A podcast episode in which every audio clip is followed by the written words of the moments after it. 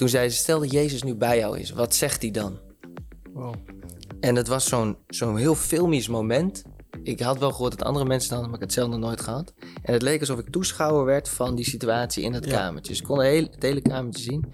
En toen verscheen Jezus daar in, in een vorm die voor mij herkenbaar is. Dat vind ik ook altijd zo lief van God, dat hij dat op zo'n manier doet dat ik begrijp dat hij het is, zeg maar. Toen legde hij gewoon zijn hand op mij en toen zei hij, het is goed zo.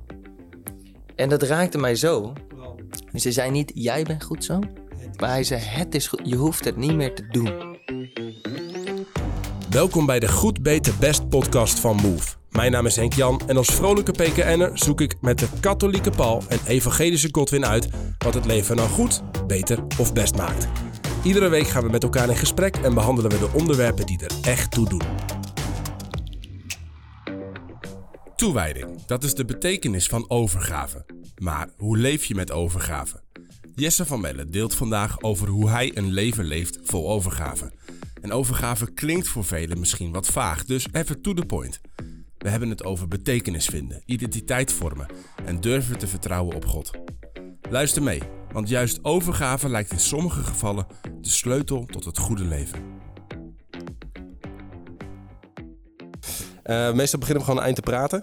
Uh, maar uh, gezien we nu dus uh, wat krap in de tijd zitten, want we hebben een hele mooie gast, maar die moet zometeen dus gewoon mensen trouwen. Wat ik een eer vind. Ik ben binnenkort trouwens burgerlijk ambtenaar. Dat vind ik, dat, jij doet kerkelijk huwelijk, denk ik. Yes, Klopt, ja. Dat vind ik ook al echt gewoon te gek. Vind ik echt heel leuk om te doen. Vriend Zo. Maar dan heb je voor een dagje autoriteit, Ja, dan moet je toch? voor zo'n dagje nog eigenlijk ergens een keer naar de rechtbank. Um, maar we gaan het hebben vandaag over, uh, over overgave, mensen.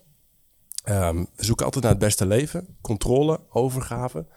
Uh, we houden van controle. Veel mensen houden van controle. Maar voor goede relaties weten we eigenlijk ook wel van... Joh, je moet ook durven loslaten. Durven mm -hmm. overgeven aan God, aan de ander, aan jezelf.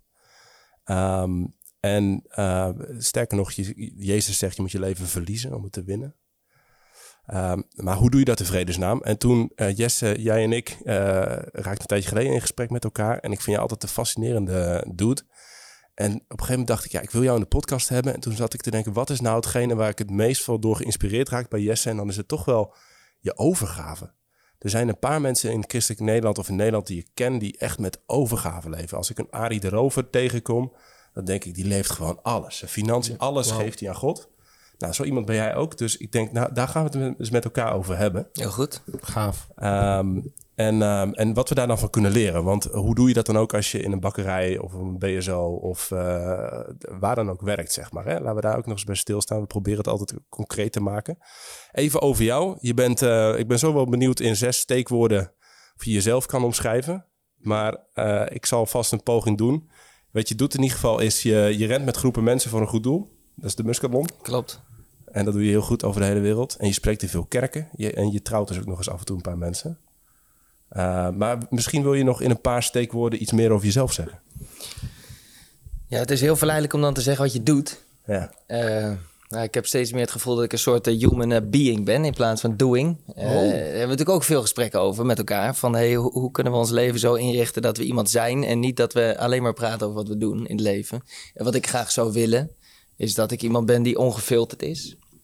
Dus als ongefilterd? Je met, ja, dus als je met mij praat, dat je dan gewoon het echte verhaal krijgt. Wauw. Een Nathanael. Is dat een Nathanael? Zie je een man in wie geen bedrog is. Is ongefilterd geen bedrog? Eenvoud. Je ziet gewoon wat ja. erin is. Ja, dat, dat probeer ik wel. Dat is niet al. Ja. Ik, ik, denk niet dat ik op alle plekken ongefilterd ben. Dus je kiest er ook voor om soms gewoon in je rol te blijven of wat dan ook. Maar bij vrienden met name. En dat je gewoon, uh, als je met elkaar in gesprek bent en je zegt: hey, ik laat het diepste van mijn ziel ook aan jou zien. Het is ongefilterd. Alles komt op tafel. Dus dat is denk ik iets wat ik heel belangrijk vind. Vind ik, vind ik lastig, man. Ik ben wel benieuwd, maar ik ga, daarop, ik ga daar proberen van je te leren. Ik, ik kreeg het van het weekend nog terug van een vriend van mij. Dat ik kwetsbaarder nog moet zijn. Dat ik in het moment nog meer, of gewoon dat ik altijd achteraf dan zeg: joh, ik lag met een fles whisky in bad. En niet op het moment, zeg maar. Dat. Ja, daar kan ik ook wel uh, uh, van leren. Dat is dus. Maar goed, ongefilterd dus. Ja, kwetsbaar dan ook. Ja. Ja, dus uh, het gaat over het echte leven. Dus er zijn ook gewoon genoeg dingen die ik in mijn korte leven van 29 jaar al mee heb gemaakt. Ja. En ik zeg maar, ook mijn pijn mag er zijn, omdat dat het is super menselijk. Uh, je kunt je makkelijk mee identificeren. En op het moment dat je het deelt met een ander, kom je er beter doorheen. Wow. Dus ik denk, kwetsbaar zijn is ook uh, belangrijk. Ehm, ja, en kijk, je noemt zelf overgave. Maar ik ben wel... Er wordt wel eens als een soort van verwijt, voelt het wel eens van... Ja, bij Jesse is dat het rollen of stilstaan, weet je wel. Of hij gaat er vol voor, of niet. En dat voelt soms een beetje van... eh, dat dat verkeerde eigenschap is. En tegelijkertijd, ja, ik word er heel blij van. Want daarmee krijg je ook gewoon veel voor elkaar in het leven. Je ontdekt van alles. Het voelt avontuurlijk. Ja. Dus voor mij komt daar ook dat woord overgave in terug. Van nee, als we het doen, let's make it count. Weet je wel? Kom, we gaan gewoon all in. Eh, en eh, we geven gewoon wat we hebben. Ja. Dus dat overgave, dat ervoor gaan, ja, dat komt bij mij eigenlijk ook altijd wel terug. En, en even terugkomen op, op de filters. Je hebt laatst ook een hele mooie foto gedeeld zonder filter. Haha. Een prachtige foto. Haha. Nou, ik, ehm, ik heb een beetje mijn onderzoek gedaan, eh, Henk. Lekker man. Ja. Um, ik weet niet of ik, eh, of ik jou vast moet feliciteren of dat het, hoe ik het moet zeggen. Ah, Want ik wilde vragen, en ik denk dat het uitslaat van als het gaat om wie je bent, welke liefdes heb je in je leven? oeh. Oké. Oh, is right. Ja. right. Nou, er is eh, de afgelopen maanden heb ik wel iemand verborgen gehouden. Dus als jij het hebt over ongefilterd zijn, nou, dan zijn we nu Insta, Insta official geworden. en eh, ik denk dat het een goed bewerkte foto is door de fotografen. Dus het gaat ook weer niet helemaal op wat ik net allemaal zeg. Maar het is wel, nou, we, hebben wel, eh, we zijn wel op een punt in, in de verkering met elkaar dat we zeggen van we vinden het leuk om met iedereen te delen. Ja. Eh, en dat geeft natuurlijk ook een klein beetje iets aan over toekomstmuziek. Ja. Hey, en volgens mij, want ik, zat, ik zat die foto ook vandaag te kijken. Ik Ja, zat dus voor de Insta. kijker, eh, eh, zeg maar, ik ben verliefd. Ja, dus ik ben in een relatie en ik ben verliefd voordat je je afvraagt waar gaat het dan over. En ik Ja, heb een ja, foto op mijn Instagram gedeeld met mijn liefde. Een- een- Een Voortman is het, hè? Het is een Voortman, ja. Je hebt heel goed je onderzoek gedaan. Reizen, reizen Holte komt ze vandaan ergens, toch? Of niet? Enter. Enter. Nou, Ja. dan heb ik bij haar in de kerk gezeten. Oh ja? Ik zag die foto. Zij heeft vier zussen. Ik kon ze nooit uit elkaar houden. Of, of ze is één van vier of zo. Ja. En zij zijn een paar jaar jonger dan ik. Dus vroeger zaten ze in, in, in de hervormde kerk in Enter, waar mijn ouders ook zaten. En eh Gert-Jan en zo is dan eh jouw, schoon, jouw schoonpapa en zo. Ja, wie weet in Dus de toekomst, Mijn, hè? een staart, Ja. staartje van mijn jeugd, toen ik 17 was, heb ik in Enter doorgebracht. Toen waren zij dus een, zo'n familie die dan binnenkwam lopen. En dan had je vier van die blonde meiden. In een soort van, Maar je kunt soort van best wel een Daltons, weet je. Die Daltons, eh, uitnodigen. ja, gaan we doen. Die Daltons, weet je, die waren heel klein, voor klein en groot waren. Weet je, die dingen van... eh, van Ja, die ja, van die boeven. Ja, dat waren een beetje, maar dan vier blonde meiden. En Oh, daar, en, Lopen ze te kijken in alle, alle gezichten. en dat, nou ja, maar nee, maar ze waren veel jonger dan ik. Het waren echt meisjes toen nog. Maar nu, nu eh, zijn ze... Nu gebeurt eh, dat wel als Nu gebeurt dat Ja, wel. maar daar... nee, leuk man. Gefeliciteerd. Hoe is het om verliefd te zijn? Dat is wel... Dat is leuk man. Dat is heel leuk. En eh, ik denk dat we later in het gesprek ook op terugkomen. Maar er is ook, er is ook een periode geweest waarin ik getrouwd ben geweest. En eh, in 2020 zijn mijn vrouw en ik op dat punt gekomen dat we het leven niet meer samen doen. Dus eh, ik had daar hele andere ideeën over. Ik dacht, we- nou, we gaan de rest van ons leven bij elkaar blijven, worden samen oud. En uiteindelijk loopt het leven dan zo dat het toch niet lukt om bij elkaar te blijven. En je gaat uit elkaar. Ja, en dan denk je wel, ik weet niet of er ooit nog iemand komt waar je voor open kan staan, die je zo vertrouwt om dichtbij te laten komen. En dat dat dan wel weer gebeurt, Ja, dat vond ik wel wonderlijk. Ja. Dus dat had wel, dat had wel tijd nodig. En, eh, maar ja, dus nu, nu voelt dat heel goed. Kijk, het trekt natuurlijk weer van alles boven. En eh Else moest ook maar weer bereid zijn om ook Ja. te delen in de pijn van mijn geschiedenis, om daar doorheen te gaan. Ja, wauw. En tegelijkertijd ik en die van haar en, en eh, het leven wat zij heeft geleid, zeg maar. Alleen het is natuurlijk wel heel intens op het moment dat je verliefd wordt op een man die al een huwelijk achter de rug heeft. Zeg maar. Wauw. Dus, eh, maar eh, ja, ik denk dat we het superleuk doen met z'n tweeën. Ja. Maar goed, dat moet de rest maar vertellen. Ja. Ik ben in ieder geval hartstikke happy. En eh, ja, Nou, dat gun ik je, man. Ik, ik Ja, zie ook echt fijn. uit naar, eh, naar de tijd die we samen mogen doorbrengen. Mooi, Ja. mooi. Zullen we het eens ehm, ehm, hebben over hoe jij overgave dan vormgeeft in je leven? Eh, je, je hebt me toen ook wel wat verhalen verteld over, nou, over hoe je met ondernemers... Je, de, de laatste keer dat ik je zag, had je net een auto gekregen van iemand. Eh, maar Oh, had je ja. ook verhalen dat je, dat ik je had dan wel met gezegd 1 dat ik ook sommige dingen zou ontkennen hè, in deze Oh, ja. podcast. Dat had ik al wel verteld. Ik zal niet zeggen wat voor auto het was. Nee, het was gewoon een leuke auto. Niks bijzonders, maar Ja. gewoon een leuke auto. En, eh, eh, maar ook verhalen dat je met eh 0 euro op de bankrekening zeg maar, iemand moet bellen om, om hulp. Hmm. En dat waren momenten dat ik dacht, jemig, hoe leeft deze gast? Hoe leef jij? Ja, ik denk dat we even voor het hele verhaal ietsjes verder terug moeten. En dan, dan, Vertel. Dan kom je op eh, 24 augustus 1992, de dag... dat- Nee, Nee, ik ben Nee. 29. Ik ben 29. Ja. Nee, maar ik ben opgegroeid in een gezin.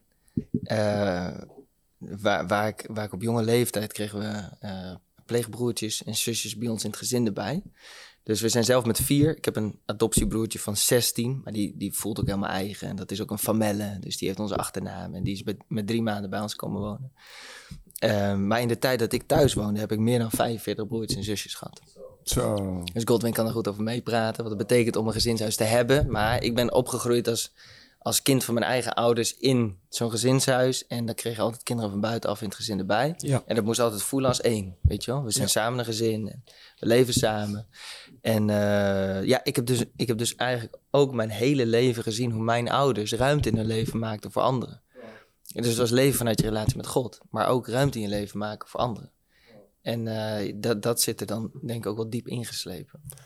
Hoe kijk je daarop terug, opgroeien met 45? Want je zegt, ja, je, je leert ruimte maken, et cetera. Dat doe je dus nu ook nog. Maar hoe kijk je er verder op terug? Want het lijkt me mega intens ook ergens.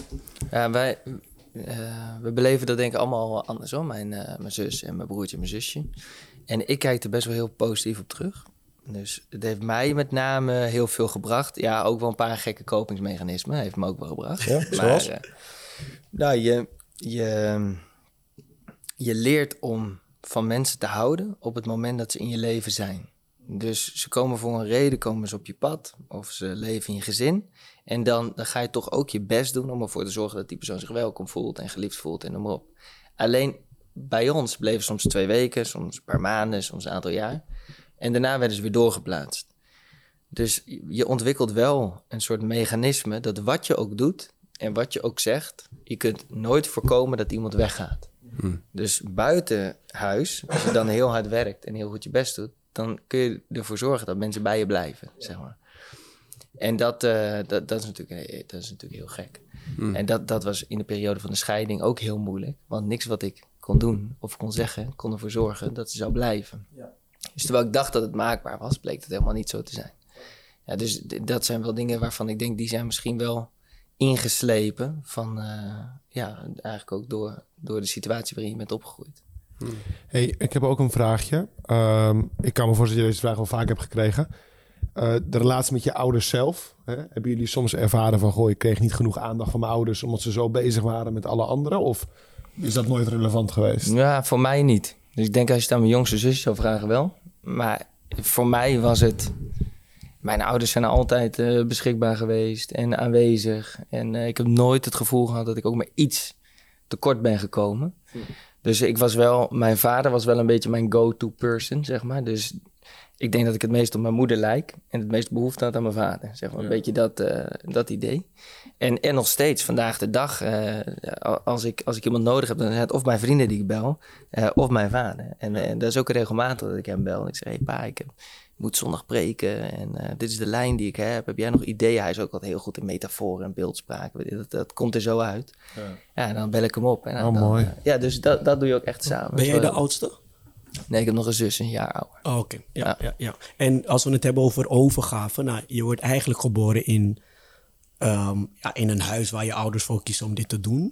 Eh, hoe heb jij rondom het thema overgave dat dan ehm, eigenlijk meegemaakt als kind? Moest je je kamer vaak delen? Moest je je speelgoed delen? Moest je, moest je, ja, je shampoo was opeens op.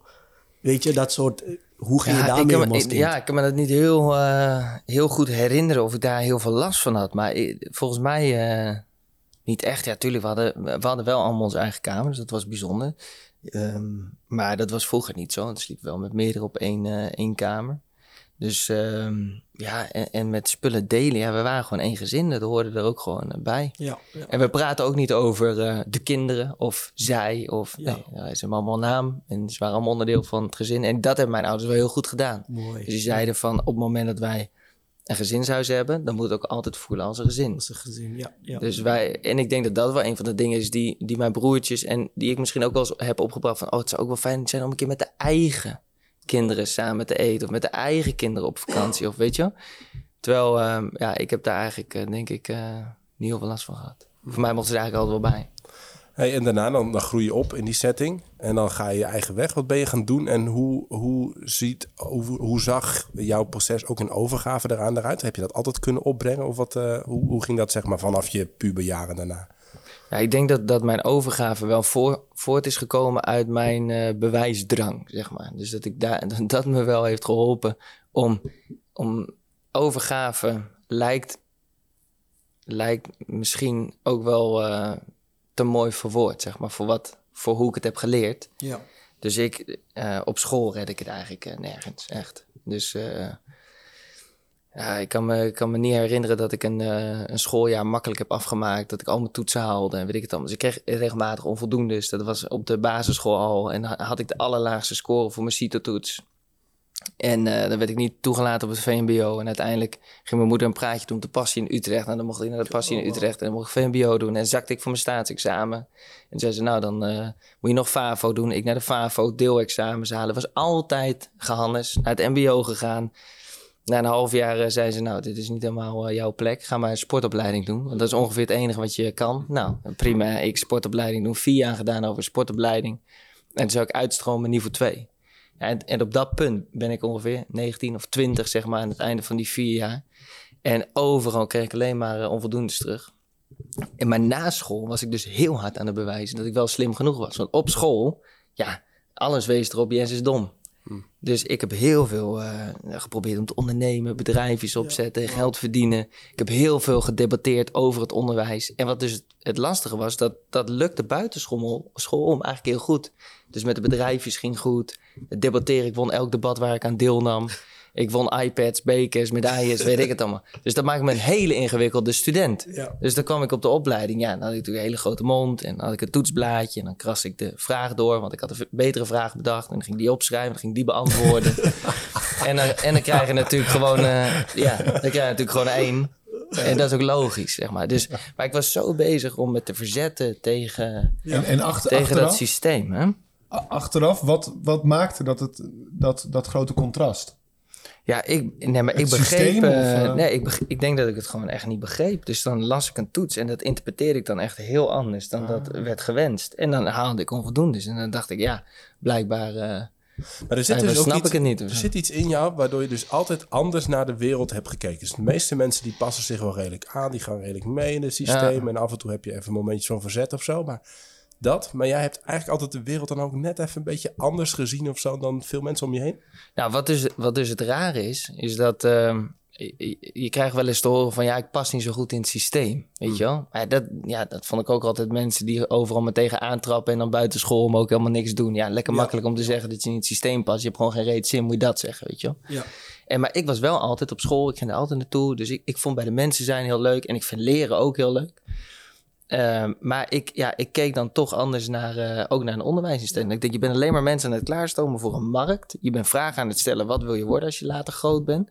Dat ik denk van, ja, dat is heel erg resultaatgericht voor de toekomst. Eh, mensen worden een product voor de arbeidsmarkt... Ja. in plaats van dat ze een authentieke zelf worden. Kon ik helemaal niet zo verwoorden toen, maar dat voelde ik aan alles. Van, je is- mij ergens in, Ja. wat ik helemaal niet wil zijn. Ja, en ik ga daar een beetje tegen in verzet.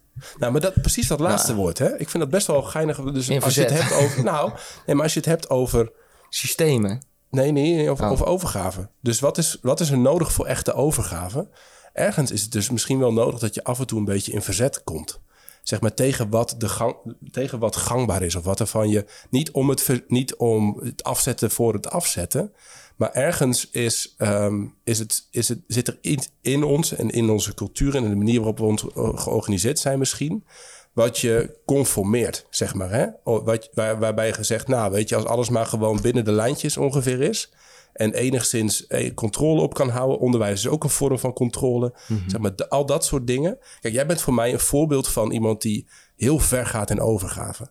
En ergens is dat misschien dus begonnen, dus mijn vraag nu of mijn hypothese, bij, bij een stukje verzet en iets, iets zien, Ja, zeg en maar. Iets bewijzen dat. het dus anders is dan dat de werkelijkheid wordt gepresenteerd. Ja. En dan dacht ik, ja, dat mag mij alles kosten om dat soort van te Nou, onmaskeren. maar dit, of zo, dit alles hè? kostte. Dus het, Ja. het heeft je geraakt. Het heeft je, maakte je misschien boos of verontwaardigd. Of je, je kon er niks mee. En, en dan kom je dus in verzet, zeg maar. Hey, even tussendoor. Kijk, Ja. misschien is het ook wel fijn, ook om te... Het is best wel een groot woord, overgave. Ja. Misschien kunnen we even hebben, wat, wat, wat is eigenlijk overgave? Ja, wat goeie. bedoelen we daarmee? En dan Want knippen het- we dat weer ook- aan het begin van de podcast. Dat zouden we kunnen doen. Nou, deze podcast is sowieso niet heel systematisch. Oh, dat heb ik helemaal Nee. niet door hoor. Nee, maar wat het is, is het is een groot woord. Maar het is dus ook een woord dat mensen op een heel veel andere manier kunnen invullen. Dus ik vind het wel waardevol Wat is, eh, weten. wat is jouw... eh, Wat is jouw eh, als jij de dikke van Dalen bent? Als ik Ik de heb, ik heb van hem hier wel liggen toevallig hoor. Maar ik ben benieuwd of jij in de buurt van de dikke van Dalen komt. Nee, wat is het voor jou? Eh, Gewoon dat. Kijk, overgave voor mij, ten eerste op zichzelf wil het nog, nog niet per se heel veel zeggen. Het hangt heel veel vanaf waar geef ik me aan over. Hè, dus dat klinkt misschien een beetje cliché, maar het bepaalt de kwaliteit van de overgave. Met, eh, dus laten we zeggen dat het een overgave verbonden is aan, aan, aan een liefdevol ideaal, hè, aan liefde.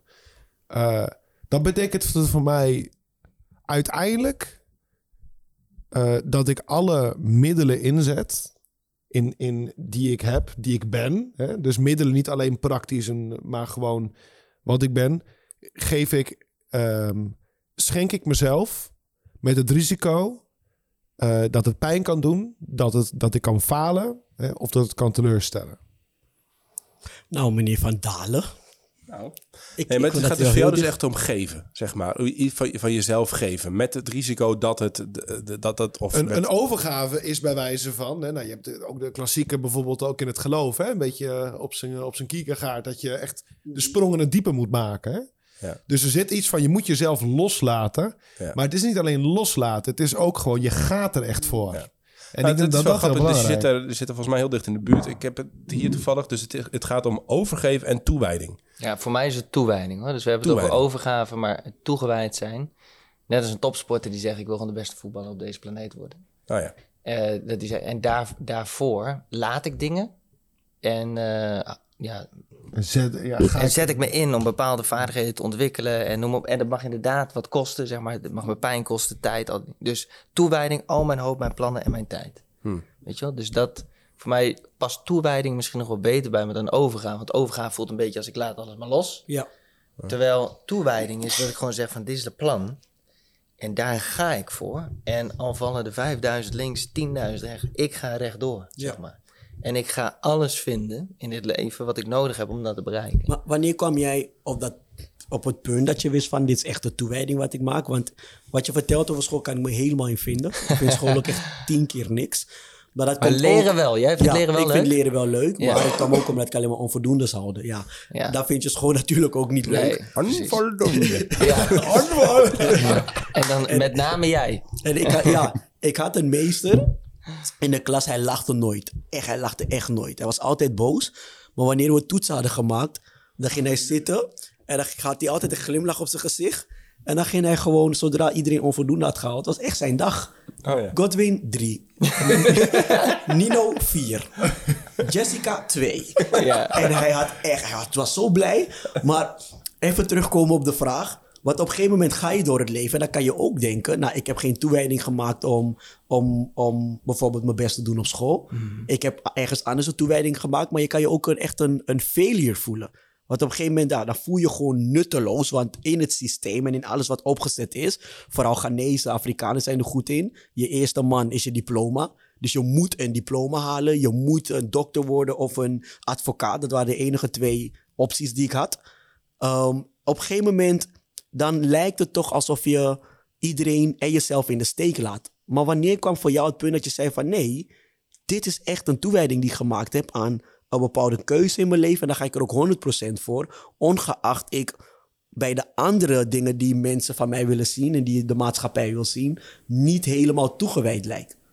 Ja, ik, ik denk sowieso dat je als mens gezien wil worden.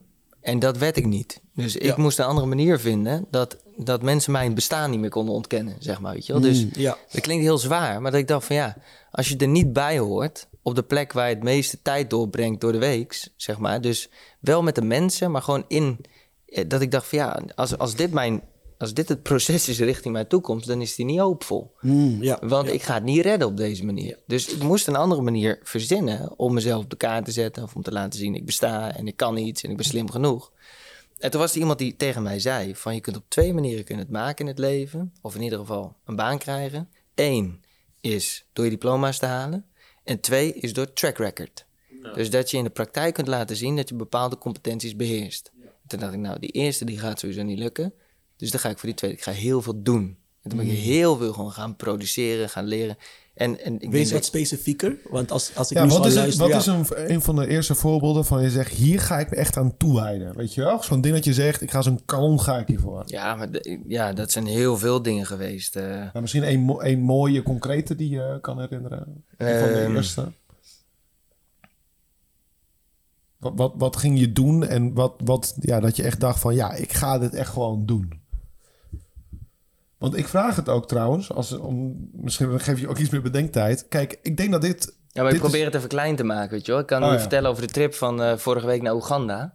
Ja, Weet je wel? Dus dat is ook iets dat heb ik dan in mijn hoofd. En dat ik denk, dat moeten we gaan gebeuren. En daar kan ik prima 2,5 jaar van mijn leven instoppen... Ja. om, om te werken aan, aan zo'n reis... en om de relatie te onderhouden met de mensen met wie ik op reis ga... en al die dingen. Ja. Dus dan heb ik besloten, ik ga dat doen. En dan gaat het ook gebeuren, zeg maar. En dat verdient, het proces verdient niet altijd de schoonheidsprijs. Ja. Maar, maar ik ben ooit een keer geïntroduceerd bij een groot evenement... en die zeiden, we hebben Jesse uitgenodigd... want we weten als hij erbij zit, gebeurt het in ieder geval. je volhardt, je gaat, je Ja, volhardt het gewoon. gaat gewoon gebeuren. Als we zeggen, dit gaan we doen, dan gaat Ja. het ook gewoon gebeuren. Weet je, weet je wat het ook is, denk ik? Ik denk dat juist heel veel jonge mensen, en dat zeg ik niet op basis van statistiek, maar wel op basis van gesprekken. Eh, dan praat je zo over grote idealen, over toewijding, over overgave, van volledig voor gaan. Het trekt iedereen aan. Want uiteindelijk, de meeste mensen willen niet een middelmatig leventje of puur met de flow gaan. Maar een heel oprechte vraag is: ja, maar hoe vind je, hoe vind je datgene, weet je wel? Hoe weet je dat iets de moeite waard is? Hoe vind je een ideaal dat je zegt van hier moet ik me echt aan toewijden? Ja. Hoe ontdek je dat? Ja, om, voor, mij, daarom, voor mij is de switch pas later gekomen. Dat mijn toewijding niet zat op wat ik ging bereiken, maar dat mijn toewijding zat op de persoon die ik wil zijn. Dus van een resultaatgericht leven naar een waardegedreven leven. Alleen voor mij was het eerst een resultaatgericht leven, want ik moest het bewijzen. Dus ik zat ook op die sportopleiding en dan was het echt snikheet, zoals vandaag. Eh, en er stond op de, op de planning dat we de vijf kilometer hardlopen moesten gaan afsluiten die dag. En toen dacht ik, ja, dikke, dikke onzin. Want hebben de afgelopen weken getraind. Eh, wacht nou gewoon tot volgende week. Dan is het een stuk minder heet. En dan hebben we allemaal een betere tijd, hoger cijfer. Dat is gewoon een eenvoudige reeksom. Dat gaan we gewoon doen. Dus ik ging naar de docent. Ik zei, we gaan vandaag anders gewoon niet de vijf kilometer afsluiten. en dan gaan, we, dan gaan we zeskamp doen. Want zeskamp, die staan nog op de planning. Daar zijn we hartstikke klaar voor. Kunnen lekker gaan kogels stoten, weet ik het allemaal. En eh, dat ging niet gebeuren. Ik zei, nou, denk het wel. Nou, dan ging ik naar mijn klas toe. Zei ik, ik heb een voorstel. of we gaan vandaag hardlopen afsluiten. En dan hebben we een lage cijfer. Want volgende week is het veel cooler om te Ja. gaan rennen. En dan doen we vandaag zeskamp. Of we doen het zoals meneer de docent het wil. En dan gaan we vandaag, maar dan hebben we gewoon een lage cijfer. Ja, en dan uiteindelijk, dan had ik de hele klas opgezet. Ja, en die hadden echt zoiets van, ja, dit is echt een super slim idee, Jesse. Weet je wel? Dus, en daar haalde ik heel veel voldoening uit. Want dat, dat, dat gaf mij het gevoel van, nee, nu word ik gezien. Ja. En, dat, en, en eh, dat is een slim idee. Dus ik werd bevestigd, ah, ik heb, ik heb wel dingetjes in mijn kopje Ja. op orde. Ja. Eh, met debatwedstrijden meedoen. Ja, ik was gewoon gehaaid. Dus ik, ik dus... En ik was meedogenloos, ook richting de mensen die tegenover mij stonden. En ik kon dingen makkelijk verwoorden en makkelijk onthouden. Nou, dan, dan, dan, dan won je een beker of een iPad. Ja, dat, dan En- krijg je een bevestiging. Oh ja, je weet dus- iets, dus- je bent slim genoeg, weet je wel. Dus de externe validatie. Dus Ja. andere mensen mochten mijn identiteit bepalen. Snap je? Ja, ja, En ja. wanneer, wat je zegt, er kwam een, een switch. Hoe, hoe zag dat eruit dan? Ja, dus je, je leeft je hele leven lang voor goedkeuring. Ja. Had je het net nou over Arie erover? Ja, hè? Die heeft dat boek geschreven, Leven naar de genadeklap. Nou, die genadeklap die heb ik goed gekregen in de periode van de scheiding. En hij schrijft in zijn boek van, eh, dat je op een gegeven moment gaat leven vanuit goedkeuring in plaats van voor goedkeuring. Mm. Toen dacht ik, ja, dat heb ik nodig. En ik weet dat ik nog een keer bij de therapeut zat. En eh, eh, gewoon in een kamertje ergens in Amersfoort. En ik, ja, ik was gewoon helemaal verslagen, weet je wel. Dus eh, je hele leven staat op instorten. En toen kreeg ik de vraag van de therapeut van... Jesse, voel jij je geliefd door God? Wauw. En eh, toen zei ik, nou, nog voordat de wereld werd gemaakt... werd ik vol liefde uitgekozen om zijn kind te zijn. En toen zei ze, tien punten, maar dat is niet wat ik vroeg. Toen zei, voel jij je geliefd door, door God? Ik zei, ik, eh, ik weet het niet. En toen vroeg ze, voel jij je geliefd door Jezus? Dus ik denk, dit antwoord ken ik ook. Ik zei, nou, al was ik de enige persoon op aarde... dan was Jezus nog bereid om de troon van de hemel te verlaten... om naar de aarde te komen mij te redden... omdat hij mij zo kostbaar vindt. Ze zei, ja, weer tien punten, maar voel je je geliefd door Jezus? En zei, ja, ik, ik weet het niet. En op dat moment had ik al negen jaar of zo, of acht jaar gepreekt in de kerk, hè. En op een gegeven moment stelde ze de vraag, maar wie is Jesse Vermelle dan? Ja, en toen, ja, toen brak ik helemaal. Eh, omdat ik zei, ja, ik weet het gewoon niet meer. Ik, ik weet het echt niet meer. Dus ik, ik heb mijn hele leven lang mijn best gedaan. Ik heb hard gewerkt. Ik, ben, ik heb geprobeerd om van iedereen te houden. Op mijn manier. Ik heb ook geworsteld in het leven. En, eh, en, nu, ben, en nu is ook nog mijn huwelijk gestrand. Weet ik. Dus het was en geen opleiding. En een gestrand huwelijk. En dit en dat. Ja, het was een soort van bodem van de put ervaring. En toen zat ik daar. En gewoon met, eh, met de tranen over je gezicht. En, en toen zei ze, stel dat Jezus nu bij jou is. Wat zegt hij dan? Wow. En het was zo'n zo'n heel filmisch moment. Ik had wel gehoord dat andere mensen dan, maar ik had het zelf nog nooit gehad. En het leek alsof ik toeschouwer werd van die situatie in het Ja. kamertje. Dus ik kon het hele, het hele kamertje zien. En toen verscheen Jezus daarin in een vorm die voor mij herkenbaar is. Dat vind ik ook altijd zo lief van God, dat hij dat op zo'n manier doet dat ik begrijp dat hij het is, zeg maar. Hij is trouwens even lang als ik. Als je wil weten hoe lang is Jezus. hij is precies even lang als ik. 1,88. Ja, zoiets. ja, zoiets, ja. Blauwe ogen gewoon, dus dat is wel mooi. Heeft hij ook, heeft En- hij ook tatoeages of niet? Eh, dit- Niet gezien. Niet gezien. Niet gezien. Misschien moet ik even terug naar dat moment om even goed te kijken. Maar toen legde hij gewoon zijn hand op mij en toen zei hij, het is goed zo. En dat raakte mij zo. Wow.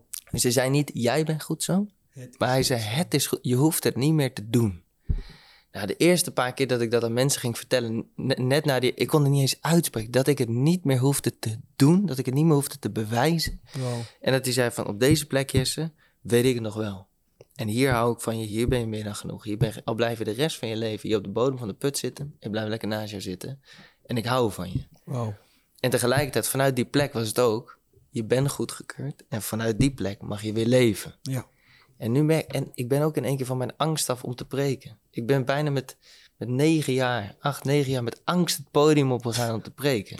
Ook toewijding, overgave. Van ja, ik geloof dat het belangrijk is om andere mensen te helpen. Ook een stuk vanuit die bewijsdrang. Hè. Eh, gezien worden. En dat is een hele gevaarlijke, en dat zeg ik zo meteen nog wel even. Maar dat ging ook weg. Ja. Omdat de mensen in de zaal mij niet meer konden valideren, zeg maar. Die konden mij niet meer goedkeuren of afkeuren. Ja. Wow. Kan wel, alleen ik kon dat veel beter een plek geven. Wow. Ja. Dus dat je, daar, dat je daar meer los van komt. En vind ik niks meer spannend? Tuurlijk wel. Ik vind nog steeds dingen spannend. Vlak voor een wedstrijd, als je het veld op gaat, zeg maar, dan heb je altijd die spanning.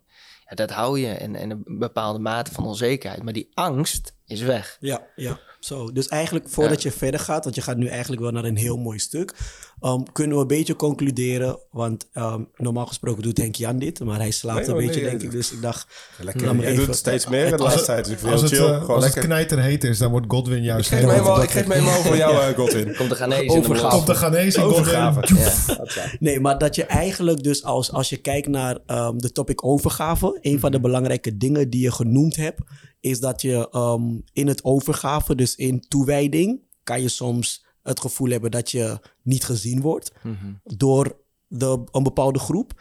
Maar een goede juist is om juist um, door te gaan met wat je doet. Want dat haal ik echt uit je verhaal. Je hebt niet gezegd, ik stop met school, de groeten, ik ga dat nooit meer doen. Um, je meester zei nee. Jij zei, oké, okay, ga het toch wel doen. Dus je ging naar Ja. je klas toe. Dus ik zie ook wel ergens een volharding. Je gaat echt Ja. wel door met bepaalde stappen te zetten. En je zei net iets heel moois. En dan ben ik nu kwijt. Dat was um, stap twee. Um, Van een resultaatgericht leven naar een waardegedreven dat leven. vond ik heel mooi inderdaad, ja. Ja. Dus dat je niet gaat kijken naar resultaten in het Ja. leven, maar naar... Maar naar je waardesysteem. Dus wat, wat zit eronder? Wat vind je daadwerkelijk belangrijk? Wat geeft je vervulling en betekenis? Ja. Dus wij stellen aan elk kind op deze hele planeet... en jullie hebben allemaal die vraag ook gehad van een volwassene...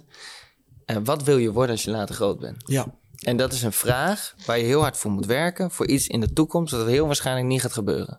Dus toen ik dat een keer vroeg aan een groep van 100 vaders... wat wou je worden, zeg maar, toen je klein was... brandweer. Uh, pandaverzorger en uh, brand, ja, brandweerman, uh, profvoetballen. Wat ben je geworden? Ja, totaal iets anders. Ja. Dus je bent je hele leven lang aan het werken naar iets waarvan je op een gegeven moment tot de conclusie komt: dit wil ik eigenlijk helemaal niet. Ja. Dus als we elkaar nou leren vragen, maar wie wil je zijn vanaf vandaag? Dus dat je zegt, wat voor human being wil je zijn? Wat voor mens wil je zijn? En dan is iemand die ongefilterd is, die eerlijk wil zijn, die betrouwbaar is, die, die doorzet als het moeilijk wordt, zeg maar. Die, ik vertel mezelf altijd, ik ben een bouwwerk onder constructie, zeg maar. Ik ben nooit af, dus ik ga ook nooit zeggen dat ik het voor elkaar heb, weet je wel. Dus, eh, en dat, dat betekent dat ik ook fouten mag maken. En, eh, en dat dingen verkeerd gaan. En dat, is, dat vind ik heel fijn. Want dat Hey, hoort er en- dan bij. Kun je dus zeggen dat jij een toewijding had aan wat je deed, aan, aan, je aan, aan hoe je gezien wilde worden, aan de validatie van anderen, et cetera, dat je daarvoor Mhm. ging en dat je dat soms ook met hele mooie en toffe resultaten en leuke verhalen en, en eh, tot resultaat. En dat dat veranderde in een toewijding aan wie je wil zijn Ja, in dit leven.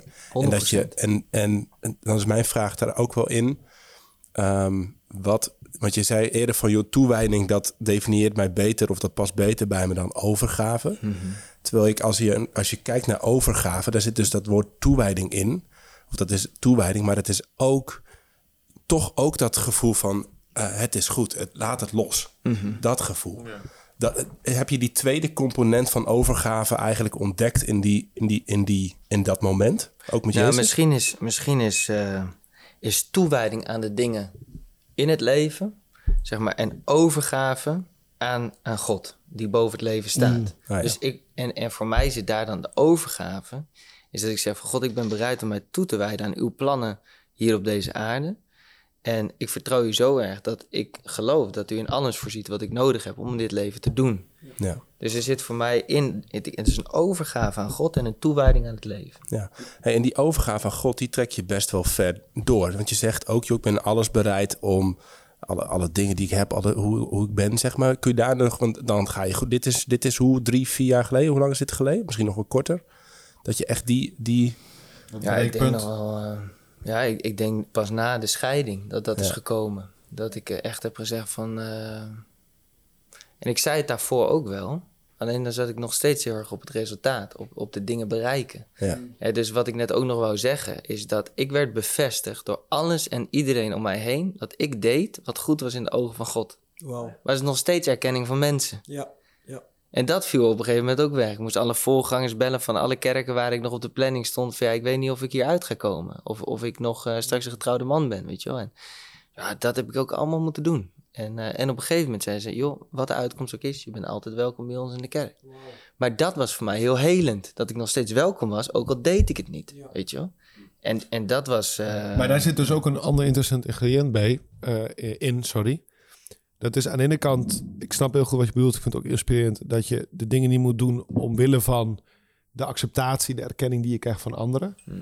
Maar tegelijkertijd, als je het hebt over, je zegt hè, van je wil kijken naar je waarde. Hè, dus van wat voor, je wil een waardevol mens worden. En, en je wil graag weten welke waarden zijn belangrijk. Dan is het juist wel mooi dat andere mensen ook waardering aan je geven. Mhm. Hoe, hoe kijk je daarnaar? Want dat onderscheid tussen ijdelheid, trots hè, of je identiteit laten vormen door anderen aan de ene kant. En aan de andere kant gewoon zien van ik doe dingen en die zijn van waarde voor anderen. Eh, en, en, en mensen waarderen het. Ja. Dat krijg je. Niet dat je daarvan leeft, maar dat, dat, geeft dat geeft je natuurlijk ook de Maar dat is ook prima, ja. Dus je hebt, we, we zijn ook als mensen aan elkaar gegeven. Alleen op het moment dat je er afhankelijk van wordt en het stopt, dan blijft er niks meer van je over. Wauw. Dus Ja. dat, dat is, en dat vind ik dat Arie dat ook heel mooi beschrijft. Is dat hij dus zegt van uiteindelijk, ik ben wie u zegt dat ik ben, weet je wel? Dus we zingen dat liedje I am who you say I am. Ja. En we zingen het zo makkelijk, maar op het moment dat je, de- dat je niet eens kijkt naar je, dat je je identiteit niet eens vormt op basis van wat je vindt van jezelf. Mhm. Want vaak als ik luister naar mijzelf, wat ik zelf van, me, van mezelf vind, dan word ik ook een heel ongelukkig persoon, zeg maar. Maar iedere keer kan ik weer teruggaan. Maar wie zegt God dat ik ben? Dus ik kom ook zelfs los van mijn eigen waardering van mezelf. En dan probeer ik weer te zeggen, oké, maar hoe denkt God dan over mij? Dan probeer ik daar dat ook gewoon ja, toe te eigenen. Ja, hoe doe je dat praktisch? Ja, zeg ik dan gewoon uit. Nou ja, daar, daar ben ik wel benieuwd naar. Ook naar, ook, naar, ook naar hoe je dat dan vervolgens praktisch vormgeeft. En je zegt, joh, dat, dat betekent, je zei eerder, van die overgave die gaat dus richting God hè, en Gods plannen. En ook in de overtuiging dat hij voorziet. ja. Nou, dat is iets waardoor ik toch geraakt ben, zeg maar, ook in eerdere ontmoetingen met jou. Dat ik denk, dat trek je best wel ver door. Kun je, kun je, eens, voor, eh, kun je, kun je eens vertellen hoe, je dat, hoe, hoe ver dat gaat, hoe, hoe je dat doet? Ja, ja dat, vind, dat vind ik leuk om te doen. Maar ik geloof dus ook steeds meer dat God soms voorziet door iets niet te doen. Dus mijn pa die deed het vroeger ook altijd al bij mij. Eh, want dan wou ik weer gaan ondernemen en dan had ik een Opel Combo, zo'n rood ding. En dan zei ik, pa, ik word hovenier. En, eh, ik even mijn bladblazen kopen en een gras maaien, weet je wel. En die zei, die zoon, ik vind dat een goed idee. Ik ga jou helpen als je het over een maand nog steeds wil. Oh, ja. En dan, eh, na een maand was ik al lang vergeten dat ik hovenier wou worden, weet je. Dus soms is het ook, God, wilt u mij hierbij helpen? En zei, tuurlijk, yes. Over een maand, weet je wel. Als je het dan nog steeds wil, dan... Dus er zit ook wel... Ik wil niet zeggen dat het voorwaardelijk is, maar het is ook het proces, weet je wel. Ja, God gaat ook ja, gewoon ja, een, weg, een met je. En soms doet hij dingen niet. En soms doet hij dingen wel. Dus ook vanmiddag, op het moment dat ik nog mag preken in die dienst... eh, dat is ergens een voorrecht. En tegelijkertijd kan ik me ook weer helemaal niet gekwalificeerd voelen. En dan, zegt, en, en dan moet ik weer terug naar de basis. En zeggen, wa- wat zegt God over? Ja. Jij bent genoeg, je gaat er staan. Je bent, je, eh, ik ga je gebruiken op dat moment, zeg maar. Ik ben bij je. En dat is dan voor mij, dan geef ik me dus daar aan over. Ja. Ik wijd me toe aan wat ik daar moet doen. En ik geef me over aan God. Dat ik erop vertrouw dat wat er ook uitkomt, dat het goed is. Ja. Dus ik kan mezelf nu ook observeren in dit gesprek. En denk, yes, wat ben je nou allemaal aan het zeggen, maat? en, maar ik probeer altijd de microfoon waardoor ik spreek te zien als een soort chameleon. Ja. Dus die heeft bij mij altijd allemaal kleurtjes. En als ik erin praat, dan gaat iemand anders het horen op de manier waarop hij het moet horen, zeg maar. Dus Mm. het komt er dan op een andere manier uit. Dat, dat heb ik dan in mijn hoofd om het een beetje recht te praten. Ja. Maar ik, ik wil er ook gewoon op vertrouwen dat als ik spreek, vanuit integriteit, eh, vanuit liefde, al die dingen, dat het ook op zo'n manier wordt ontvangen, dat een ander dat op die manier ook ervaart. Ik vind het eigenlijk wel heel mooi dat je dat zegt, want eigenlijk de hele Bijbel, en als we kijken naar al die machtige mannen van God, nou, ze waren allemaal volgens de maatstaf van de wereld vaak gewoon mislukkelingen. Zeker. Ze waren gewoon helemaal niet gekwalificeerd voor wat ze deden. Dus eigenlijk laat Koppige God... visserman inderdaad. Ja, maar ook gewoon mensen die, ja, je bent een visser en je kan geen vis vangen. Ben je de hele nacht al aan het vissen en het lukt je gewoon niet om één visje te vangen. Ja, dan moet je echt zelf gaan afvragen, moet ik wel blijven vissen? Maar dat soort mannen gebruikte God. Nou, Mozes die, die stotterde als een gek. Nou, die moest naar de farao. Ik, ik kan me voorstellen dat een gesprek met Mozes gewoon twee uur lang deed. Terwijl het gewoon twintig minuten moest duren. We hadden hem niet uitgenodigd voor de podcast. Nee. Mozes, blijf jij, blijf jij maar thuis. Maar het, Ja. het, het brengt, jouw verhaal brengt me echt wel terug bij. En dan doet het me altijd denken. En ik al heel veel van tekenfilms, maar een beetje een soort Power Ranger-achtig ding. Weet je, van Mhm. eigenlijk kan je zelf niks. Maar dan heb je zo een soort van krachtige, um, um, um, ja, mag ik zeggen, uh, wapen bij je. Dat als je erop drukt, Mhm. dat het gewoon één met jou wordt. En daardoor, en dat is Gods woord, Gods belofte, alles wat God ons geeft, kan je mee kleden. En dan kan je het gevecht aan. Maar je weet ook, als ik dit uitdoe, ja, dan, het komt niet van mij. Nee. Ik ben niet de persoon. Maar het is God die dat doet. En ik vind, dat, ik vind het super mooi dat En je dat tegelijkertijd zegt. moet je het dus ook nog doen, weet Ja. je wel? Dus dat Ja, zegt, want- want- zegt God dan tegen Gideon van... eh, Gideon die, die schreeuwt naar de hemel... God, waar bent u dan? U bent de God van de voorouders. Ja, en ja. u heeft wonderen gedaan, maar ben u ook nog de God van vandaag? Bent u mijn God, weet je wel? En één dikke ellende om ons heen. In Gods naam, maar bent u, zeg maar. Dat is wat hij vraagt. Ja, En dan, eh, dan eh, verschijnt God en die zegt, toon je moed. Door jouw hand ga ik Israël bevrijden. Oeh. Dus het wordt een heel gek gesprek. Dus door jouw hand ga ik Israël bevrijden. Jonge vent. En dan vraagt Gideon, huh, maar hoezo? En dan komt hij met smoesjes. Ja, maar Ja. ik ben de jongste van de familie, zeg maar. Ik ben van die stam. En ja, ja. ben, die moet mij niet hebben. Eh, hoe, hoezo zou ik dat kunnen doen? En dan zegt God weer, want ik sta je bij. Mm. Dus het is, God, waar bent u? Dan zegt God, ik ben er door jou heen. Jij gaat het doen. Eh, en hoe ga je het doen? Ik ben weer bij je. ja. Dus het is constant een soort van samenwerking tussen de hemel en tussen de aarde. Dus dat vind ik echt eh, Hey, mega interessant. Super mooi. En, en hierover, hè. Ehm, hoe weet ik, hè, dus als het gaat om het doen... Hoe kan een persoon weten, wat, wat moet je in godsnaam doen? Ja. Eh, dat, is, dat klinkt misschien een beetje een domme vraag. Eh, maar ten eerste, hoe ontdek je dingen die de moeite waard zijn om je aan toe te wijden? En wat betekent dat precies? Is het alleen een kwestie van houding, hoe ik naar dingen kijk? Of heeft het ook bijvoorbeeld een effect op mijn handelen? Hè? Moet je op bepaalde manieren handelen? Nou, geef eens een paar voorbeelden uit je eigen leven als je wil, Jesse. Hoe, hoe geef je dit dan in de praktijk vorm? Ja, uiteindelijk heeft dat dus wel te maken met bepaalde overtuiging ook. En de manier waarop je denkt en kijkt naar de wereld. En eh, dus een, een van de wereldse dingen waar ik me heel erg aan over heb gegeven... dat is Expeditie Robinson. Mm. Dus eh, jaren geleden heb ik me aangemeld voor Expeditie Robinson. Want dan kon je als onbekende Nederlander... kon je dus deelnemen aan Oh, leuk. aan het koningsspel, zeg maar. Ja, en ik ben een beetje in spelletjes bezig en ik keek dat al jaren en ik dacht, ik ga nu meedoen.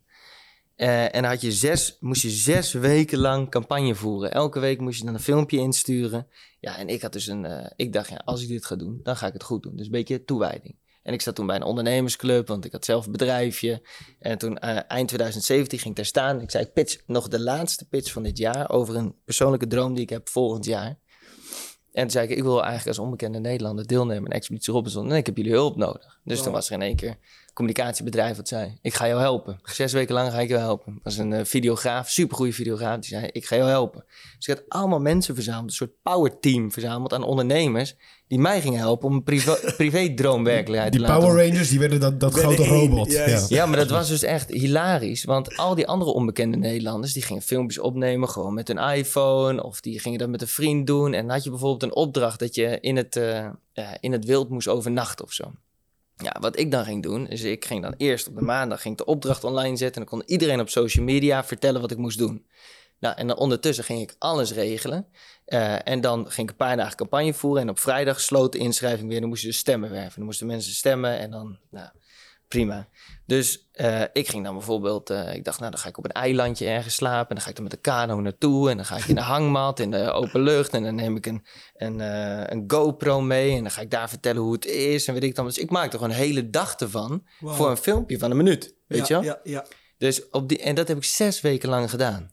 Dus dag in dag uit ermee bezig geweest om stemmen te verzamelen. En iedere keer haalde ik niet de top 7. Want je moest dan in de top 7 komen om naar de volgende ronde te gaan. En op een gegeven moment won ik ronde 6. Werd ik eerst in ronde 6. Wauw. En eh, dat kwam omdat er was een amulet verstopt ergens in het land. Dus zo- zo'n Expeditie Robinson amulet. En eh, ze hadden een foto online gezet van hier ligt die, morgen komt de eerste tip online. En toen dacht ik, ja, maar dit is een foto en er staat een tekst bij met eh, deze fles is aangespoeld, tussen aanhalingstekens op een, een typische Robinson locatie. Hoezo morgen zet ik de eerste tip online? Jullie hebben al verklapt waar die ongeveer ligt, weet je wel? Dus ik, ecoloog gebeld, vriend van mij. Ik zeg, hey David, waar liggen... Zeg maar, waar, waar in het midden van het land heb je de samenstelling van deze flora, fauna, dingen Ja. bij elkaar? Want ik dacht, als die in het noorden ligt, is het niet eerlijk voor de mensen in het zuiden. Als die in het eh, westen ligt, dan is het niet eerlijk voor de mensen in het oosten. Weet je dat idee? Dus alleen de mensen in het midden hebben dan een voordeel. Ja. Dus zo ging ik dan al beredeneren. En ik dacht, aangespoeld, het hoeft dus niet de zee te zijn. Dat kunnen ook de duinen zijn. Dus ging meteen Soeste duinen over nadenken.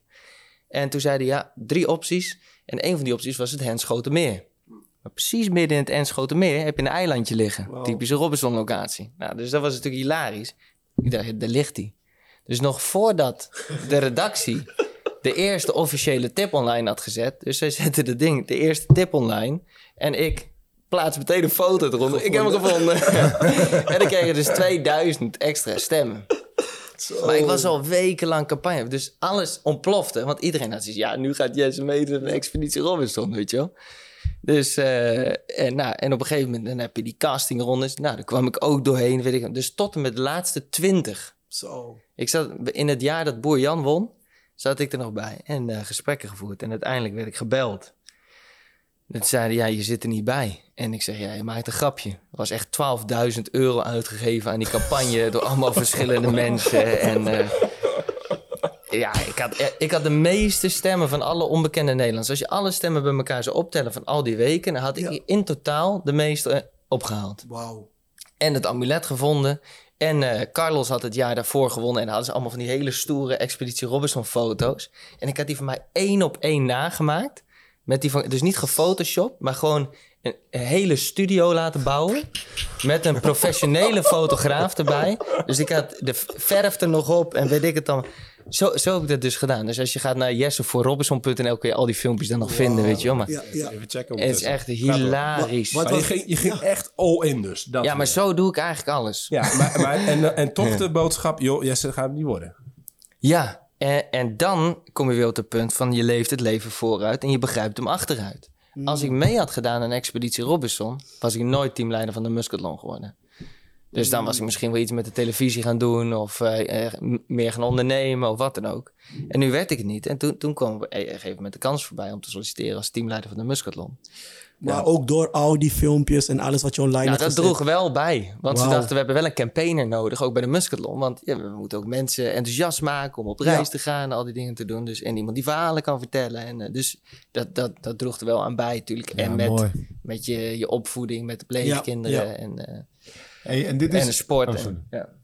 Oh, nou, dit, dit, is, dit is een heel mooi voorbeeld, een seculier voorbeeld. Heb je misschien ook meer een geloofsvoorbeeld? Eh, Of tenminste iets geïnspireerd Nou door ja, het ook, geloof. ook hoe je nu leeft. Hè? Dus, dus, eh, dus ehm, eh, hoe- zijn er momenten dat je... hoe zit het met jouw bankrekening? Met je... fi- Ja, ik zou... Met je financiën. Wil je even laten zien hoeveel geld je hebt? Hoeveel geld heb je? Wat is je pincode? Nee, maar nee, je zei het de vorige keer van... joh, er zijn momenten dat je gewoon moet bellen aan een vriend... van joh, kan ik wat geld lenen? Ja, of nee, kan ik dat krijgen? Kan ik dat krijgen? Ik hou niet zo van lenen. maar Ja, ehm, dat is beter. Ja. Godwin is een man naar je Nee, huis. Godwin, Godwin bellen, want Godwin die houdt ervan om geld aan mensen te geven. Dat klopt. ja, nee, maar ik heb hem ook op mijn lijstje. Als ik dan eh, een keer echt iets tot tekort kom, dan, eh, dan, dan bel ik Godwin op. Nee, dat, dat is gekkigheid. En die tijd is, is moeilijker geweest dan dat die nu is. Ik heb nu gewoon, gewoon salaris ook natuurlijk bij, eh, Ja. bij de Muscatlon. Maar eh, toen ik begon met werken, begon ik met werken bij Athletes in Action. Dat was onderdeel van Agape. En dan Oh, moest je eigen persoonlijke fondswerving doen. Maar ik, ik wou gewoon iets doen met sport en geloof en evenementen en weet ik het allemaal. Dus Ja. toen, ja, de, lang verhaal, maar toen werd ik gevraagd eh, om, eh, om daar te komen werken. En toen dacht ik, ja, ik heb helemaal geen opleiding. Allemaal. Dus ik vond ergens ook een mooie kans. Maar dan moest je eigen salarisfonds werven. En dan moet je je vrienden en familie gaan vragen om geld. Ja, dat voelt gewoon naar schooien. Hè, dat je zegt van, hé, ik ga evangeliseren in de wijk. Wil je me alsjeblieft geld geven? Ja, en, eh, ja.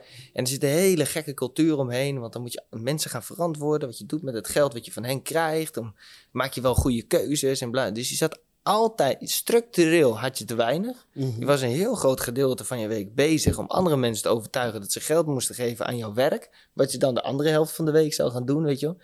Dus het is een heel gek concept. Maar daardoor heb ik wel heel goed geleerd om te praten over geld. Ja. En om na te denken welke waarde kan ik creëren en toevoegen. En wat is dat dan waard? En, en noem maar op. Alleen ehm, in die periode, ja, daar kwam ik eigenlijk structureel niet uit.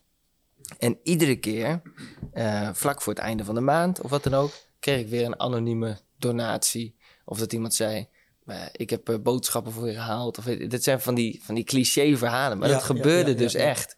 Dat ik dan, eh, dan zag ik al een envelop op de brief zonder afzender. Gewoon alleen een naampje erop. Daar, daar zit geld in. Op een gegeven moment wist ik gewoon van God zorgt elke maand weer opnieuw. Ik heb nog nooit tekort gehad. Wel tekort gevoeld, maar ik heb nog nooit tekort gehad.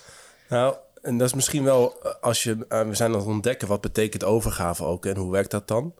Eh daar zit dus ook een, een, een link met afhankelijkheid. Ik weet Ja. dat eh Team Vreugdehil, die zei dat ook op een gegeven moment, joh, je moet als christen ergens altijd, en misschien als mens gewoon in het leven, ergens een beetje afhankelijk blijven. Dus, en, en daarom is het ook zo moeilijk voor die rijken om, om in het koninkrijk te komen. Want als je niks meer hebt om ja, als je het allemaal zelf kunt, als je alle controle lijkt te hebben, et cetera. Dat is allemaal een illusie, want ik bedoel, ik kan altijd, je kan altijd tegen een boom rijden of zo. Maar eh, dan, dan, dan wordt het steeds moeilijker om je echt over te geven. Aan je, eh, er is een stuk afhankelijkheid nodig, ook in relaties. Ook ten opzichte van God en ook ten opzichte van andere mensen. En als je alles zelf kunt, dan heb je een probleem. Dus ik heb dat zelf ook echt wel moeten leren in mijn tijd bij Living Image and Move... en dat oprichten en opstarten. Dat er gewoon momenten waren dat je nou, zelf geld bij moet gaan passen. En dat je zelf... eh, en, en, dan, en dan komt het erop aan, weet je wel. En dat God ook nog eens kan je vragen. Ik wil dat je zelf ook nog geld weg gaat geven. En- Ja, gewoon. En, en dat je denkt, ik heb nu alle normale deurtjes geprobeerd en daar aangeklopt voor een lening en daar zus. En nu, nu kunnen de salarissen gewoon niet betaald worden. Zeg maar, dus dan moet je het van je eigen spaarrekening halen. Ja, eh, dat zijn wel de momenten En, en dan, waarop ik... zegt God, hoezo je eigen spaarrekening? Dat is allemaal voor mij. Ja, nou ja, exact. Maar dat is ook dus, eh, alles is aan je gegeven. En je, en, en Ja, je tijd en je geld en, Geloof en je je ten energie. diepste dat God voor je zorgt? Dat is Nou, de vraag. en dat, dat blijft, ja, exact. En dat blijft een Waar zit je worsteling. dat- zekerheid in? precies, dus ik blijf, ik blijf dat elke keer inbouwen. En dan spreek ik jou en dan denk ik, ja, Oké, ik wa- geef je één leuk voorbeeld, Nou. ja? Ik stond op Schiphol. Iedereen weet, is drama, toch? Op Schiphol. Tuurlijk, ja, vreselijk. Dit is een getuigenis van over hoe God Nou, we, altijd gaan het, voorziet. we gaan later vandaag een aflevering over de, over de hel en de hemel Dan kom je opnemen. ook Maar dit is weer een terug klein voorportaaltje, toch? Of niet? Ja. Ja, dus ik ging naar Oeganda met twee medereizigers. Die had ik een Sky Priority, dus die konden iets sneller door. Dus die waren uiteindelijk eh, de- drie uur over om in het vliegtuig te komen. Zo. En ik had eh, vier uur de tijd om dat voor elkaar te krijgen. En ik stond, eh, ik moest om elf uur vliegen. En om kwart voor elf stond ik nog anderhalf uur voor de security check, denk ik. Dus, ja, dus ik had me er al op voorgesorteerd van ja, ik ga het niet redden. Tweeënhalf jaar lang toegeleefd naar die reis. Dus ik, ik bel die man in het vliegtuig op. Ik zeg ja, eh, stap daar maar uit. Dit is de persoon die je gaat ontmoeten. En ik kom morgen met de eerste vlucht eh, richting Entebbe. En dan zien we elkaar in Oeganda, zeg maar. En eh, dus ik sta en ik denk, ja, dit kan toch niet waar zijn? Dus dan, dit is toch uw plan? En dan Ja. sta ik hier vast in de rij. Nou, dat is echt een grote grap. Dus ik probeerde gewoon een beetje positief te zijn. Iedereen was aan het voordringen en zagrijnig. Dus ik denk, ja, ik ga niet twee keer verliezen. Ja. Weet je wel, dan mis ik en mijn vlucht en zagrijnig. Dan kan ik beter een beetje blij zijn en kletsen Ja. met de rest. Maar ik ben op een gegeven moment een vriend van mij, op Robbie. Die is volgens mij ook wel eens in deze podcast geweest. Ik zeg, Robbie, je moet bidden voor een wonder, man. Want ik vind dit echt naar. En, en op een gegeven moment zegt hij, ga ik doen. Dus drie minuten later stuurt hij een appje. God gaat hem wegmaken. Ik kijk naar die rij. Ik denk... ik denk... Jij pakt wel net je staf als Mozes. Van nu ga ik nou, slijten. nou, nou, nou, dus ik, ik dacht, bring it on. Weet je wel? Ik ga nu alle charmes in de strijd gooien om ervoor te zorgen dat ik mijn vliegtuig ga halen. Dus er kwamen allemaal mensen voorbij met zo'n zo'n keycord met pasjes aan. Ik zeg, meneer, ik zie dat u bij eh, KLM werkt. Heel even met u praten. Ik zeg, het is natuurlijk een super lange reis, voor iedereen zo. Maar ik moet over een kwartier naar Oeganda. En eh, zou jij mij kunnen helpen om even eh, voor te gaan? Nee, dat kunnen we niet doen, meneer, want iedereen die, eh, die staat in de rij. Zei, ja, maar iedereen heeft een favoriet. Dus jij mag vandaag mij kiezen als jouw favoriet. En Wat, wat een etter, hè? dus, niet doen, hè? of een vrouw? Hij is een man, maar ik heb het ook bij vrouwen geprobeerd. Ik heb bij iedereen geprobeerd die langs kwam. En dat, dat, maar mensen om me heen, die vonden het best grappig. Dat ik dat Ja. op die manier aan het doen was. Want het, het was ook best grappig. Ik had ook niet verwacht dat het zou lukken. Maar ja, ik denk, je moet er wel, zeg maar... De, de geest moet wel ergens mee kunnen werken. Ja. Dus ik dacht, Ja, ik moet wel proberen. Ja, om de middelen, dat zijn de middelen. dat zijn de, ik moet gewoon proberen. Dus eh, je moet wel al je moet verzamelen, want je schaamt je dood natuurlijk. En, eh, en op een gegeven moment ontstaat een momentum in de wachtrij. En iedereen zegt, deze gast moet zijn vlucht halen naar Oeganda. dus mensen roepen tegen elkaar, laat hem er langs. dus ik denk, wat gebeurt hier nou? Ik denk, prima. Komt er een of andere gast, die komt heel hard langs mij gerend. Nou, die had gewoon zo'n dikke plaat voor zijn hoofd. En dat was soort van mijn slipstream, daar ging ik in. Die ging er ook maar langs. Net als je op de snelweg een ambulance hebt. Die denkt, gaat snel achter, weet Ja, je wel? ja, ja. Nou, dat had ik dus ook in de rij. Dus zo'n gast gaat voor me en die, die, die, ja, die maakt die hele ja. rij op. En binnen twee minuten sta ik bij de security check-in. Ik check in. Ik eh, sprint naar mijn vliegtuig.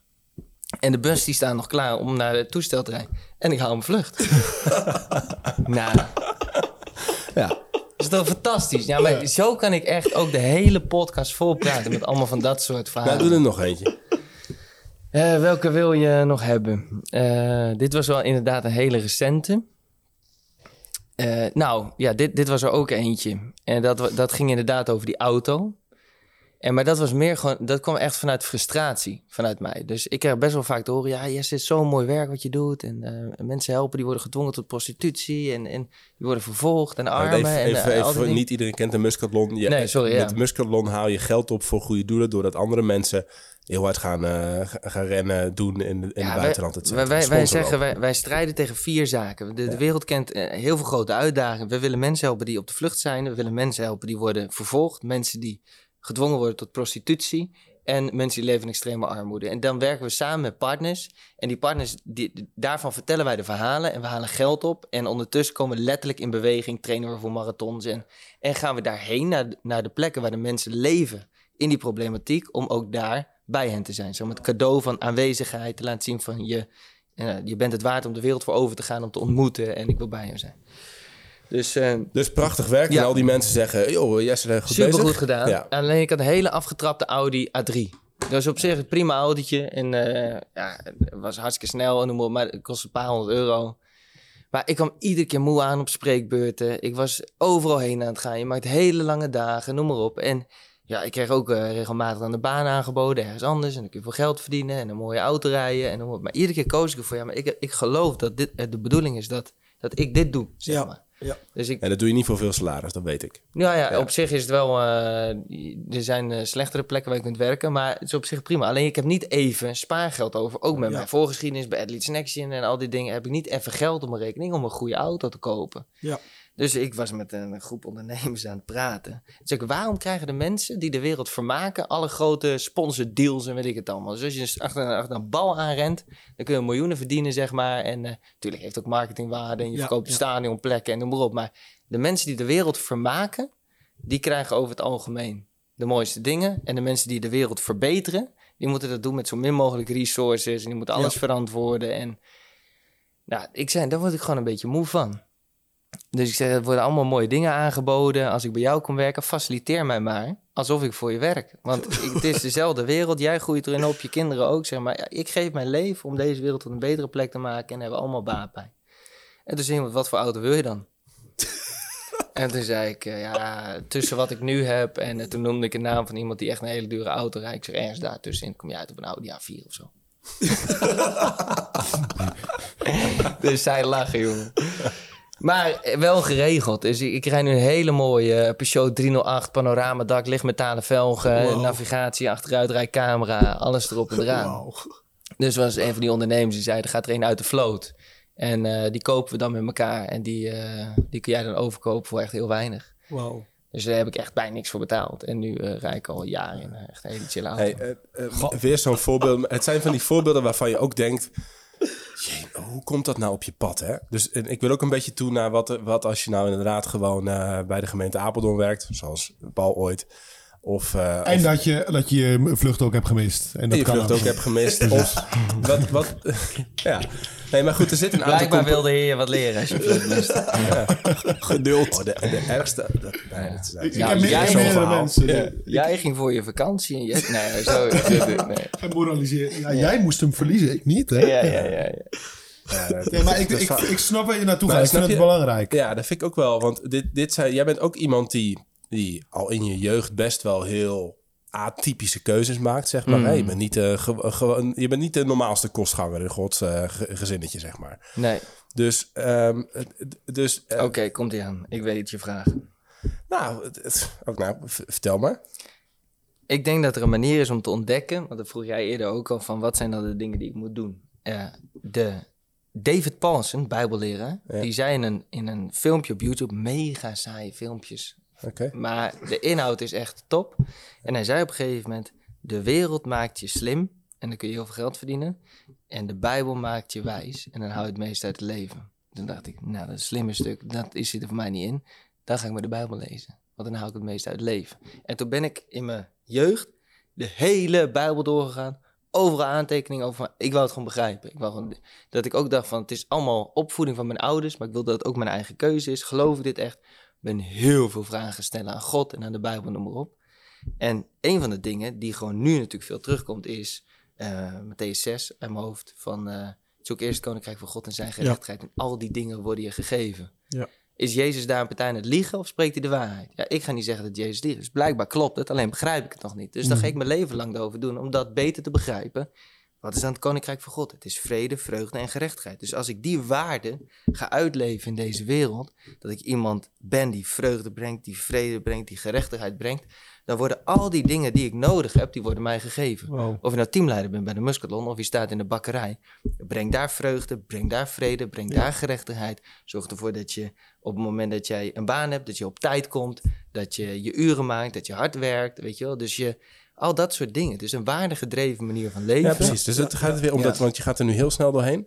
Eh, Ja. Maar nog even... Dus het maar terug, nee, oké. maar het is, heel, het is heel waardevol, denk ik. Want het, het koppelt weer aan je ontdekking dat het gaat om wie je wil zijn. Ja. En dat waardegedreven, dat betekent in feite gewoon dat je zegt... Nou, in, de- in jouw geval, God staat voor mij bovenaan en zijn koninkrijk. En zijn koninkrijk is voor jou vrede, vreugde en gerechtigheid. En als je daar nou aan committeert en niet aan wat er allemaal wel of niet lukt. Want er lukken dingen in jouw leven wel of niet. Voor hetzelfde, die vlucht die lukt dan. Maar je krijgt ook momenten dat, het, dat dingen even niet, niet lukken of zo. Maar het gaat om de houding in de basis van... eh, om het zijn van, hey, eh, ik, ik kies ervoor om een mens te zijn... ja, uit één stuk. Het, de Bijbel Ja. gaat ook over heel uit. Een mens uit één stuk. Die zegt, Ja. ik ben gewoon een kind van God en daar hou ik me aan vast. En ik kies ervoor om dan inderdaad voor die vrede en die vreugde en die, en die gerechtigheid in het leven te gaan. Ja. En dan whatever may come. En dan wat je dan wel doet volgens mij is inderdaad zegt, nou, en dat, dat, en dat zie ik jullie, Paul en Godwin ook continu doen, is zeggen, nou, dan gaan we ook wel wat middelen zeg maar inzetten en dan gaan we het wel wat proberen en dan Ja. moet er iets mee zijn om te werken. Ja. Maar het gaat in de basis is het die grondhouding, hè? En als ik, als ik het een beetje kan reframen... Nou, dit is niet reframen, maar het is om het, om het eh, een concrete persoonlijke tip... hoe je dat misschien kan samenvatten. Corrigeer me, maar zo, zo zie ik het ook wel is... als je nou weet, nou, dat vrede, vreugde, wat dan ook... probeer nou eens gewoon mensen om je heen echt gewoon gelukkig te maken. Probeer iets minder te denken aan je eigen comfort. Ik, ook je eigen, je had het er net over. Ik vond dat je er een heel goed punt aan raakt, ook in onze Nederlandse cultuur. Dat is die drang naar autonomie. En natuurlijk hebben we een bepaalde autonomie nodig om keuzes te maken. Maar ik heb ook toevallig recent heb ik me wat meer verdiept in Zweden, ook documentaires over gezien. Je wordt er knijter verdrietig van als je ziet dat autonomie de belangrijkste waarde wordt in Ja, de maatschappij. autonomie is dus van, En als je kijkt je, waar je dat- bent op ja. jezelf, zeg maar. Je Maar als bent je op kijkt jezelf. waar dat vandaan Ja. komt, Paul, dan, dan moet je helemaal terug naar de tuin. Dus als het gaat om over, wat is je overgave, is dat je zegt: het gaat niet meer om mij, Ja, maar het gaat om het grotere geheel. Ja. Het is niet het koninkrijk van mijzelf, maar het is het koninkrijk van God. En dat is wat de duivel doet in de tuin. Is dat, eh, ik, ik quote vaak Robbie, maar Robbie is de wijze man. Maar hij zegt wat er in de tuin gebeurt, is dat de duivel je verleidt om in eigen kracht te verdienen wat God je in genade al heeft geschonken. Wow. Dus wat, wat hij daar heel mooi zegt, is ze waren al gemaakt naar het beeld van God. En, en, en de duivel zegt, eet maar van de boom van kennis van goed en kwaad, want dan word je als God. Maar ze waren al gemaakt als Ja. God. En dan probeer je het ook nog in de eigen kracht te verdienen.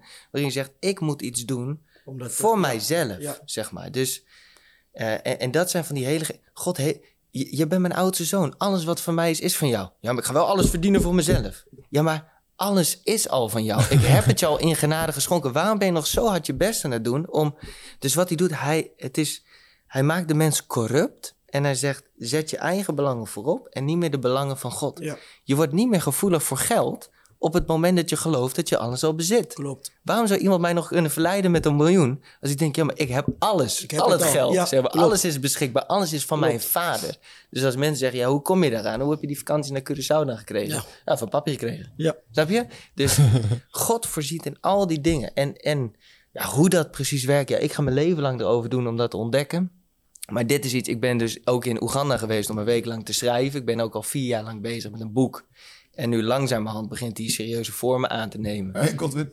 Jij join, ook? Join de club. Join the club. Ook vier jaar lang, ja. De, de boekclub, ja. Maar eh, eh, dus eh, het, het, het gaat nu wel echt naar een bepaald punt toe. Maar daarin laat ik wel... Ik dacht altijd dat het ging over gerechtigheid. Maar dat is... ja, we hebben helemaal geen tijd ervoor. Maar eh, dat is wel een van de dingen die ik daar ook beschrijf. De wereld is zoals die nu is... omdat mensen hun eigen belang boven die van het geheel stellen. En die zeggen van... ik wil iets hebben van een ander... dus ik ga me dat zelf toe-eigenen. En of dat een land is, of een lichaam, of spullen... jij denkt dat je ergens recht op hebt, zeg maar. En je gaat dat naar jezelf toe trekken. Terwijl als je zegt van... we leven in één groot dorp... en alles is van ons allemaal... Ja. en dan heb je helemaal geen drang meer naar conflict... Ja. of naar dingen toe-eigenen. Want alles is al van, Van jou. jou. Ja, mooi. Mooi, super mooi. Ja. Ja, mooi. En ja, nee, ik vind het echt geweldig.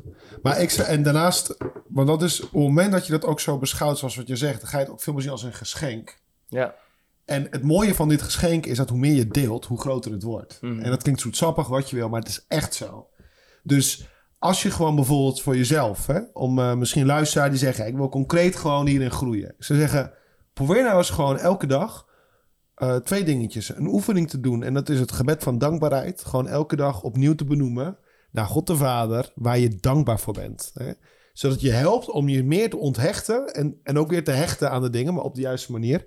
En een tweede is, wie ga je vandaag gewoon concreet gelukkig maken?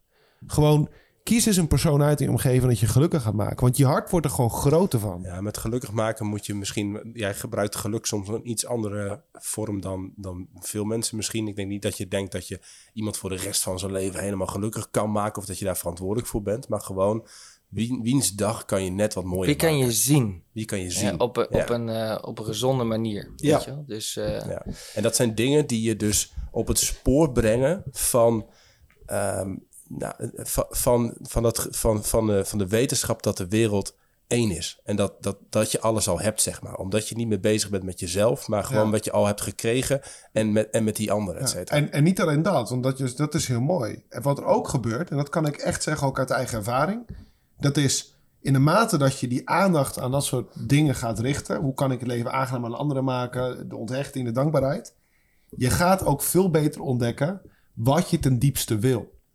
Want je maakt je hart groter, je maakt het meer ontvankelijk voor God. Je wordt veel gevoeliger, in de goede, veel gevoeliger voor wat er om je heen speelt, omdat je aandacht daar veel op gericht hebt. En dan ga je ook ontdekken, dit is, hè, als je het hebt over je waarde, hè, van hoe kan ik een waardevol mens, dat ga je veel beter ontdekken dat je elke dag een beetje gewoon zielig Netflix zit te kijken.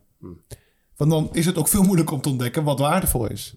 En, Hey, en, en is dit proces, hè, is dat in mijn hoofd, of ik, in mijn ervaring, is het ook iets wat dan ja, je kunt het van meerdere kanten benaderen, zeg maar. Hè? Er zijn meerdere wegen die ergens naar Rome leiden wat dat betreft. Dus jij hebt op een gegeven moment een moment gehad van een hele diepe crisis. En waarin, waarin je Jezus op dat moment gewoon heel dichtbij hebt ervaren en, hebt, en je hart is veranderd. En daarmee veranderde ergens ook je zicht op de werkelijkheid. En wat Paul eigenlijk zegt is dat maar is... dat is door mij, voor mij wel geslepen door ervaringen Ja. die ik op heb gezocht. Ja. Dus mijn hele leven is ervaringsgericht leren. Ja. Dus dat is de manier waarop ik nu uiteindelijk doe wat ik doe. Ja. Eigenlijk is alles schaal, schaalbaarder geworden door de jaren heen. Ja. Alleen in de basis zijn heel veel dingen nog hetzelfde. Dus als ik bij de kassa sta en dan denk ik, nou, ik heb het gevoel om mijn fiets te geven. Dan doe ik dat beurtbalkje, die doe ik dan achter de boodschappen van de ander. Dus ik betaal vandaag jouw boodschappen, weet je wel. En dat iemand dan zit te kijken en dat is raar. Ik zeg, ja, ik vind het gewoon leuk om vandaag even iemand te verrassen. En dan ben ik zelf helemaal excited van binnen en spanning en noem maar op. Maar ik ga, wil dat gewoon proberen. Dus ik ben heel veel, dus als ik wil groeien in eerlijkheid, hoe ga ik dat doen? Dan ga ik dat ervaringsgericht leren. Dus ik bel Godwin op. Godwin, ik ga even eerlijk zijn over een paar dingen tegen jou. Als ik wil leren in vrijgevigheid, dan denk ik, dit is mijn financiële situatie.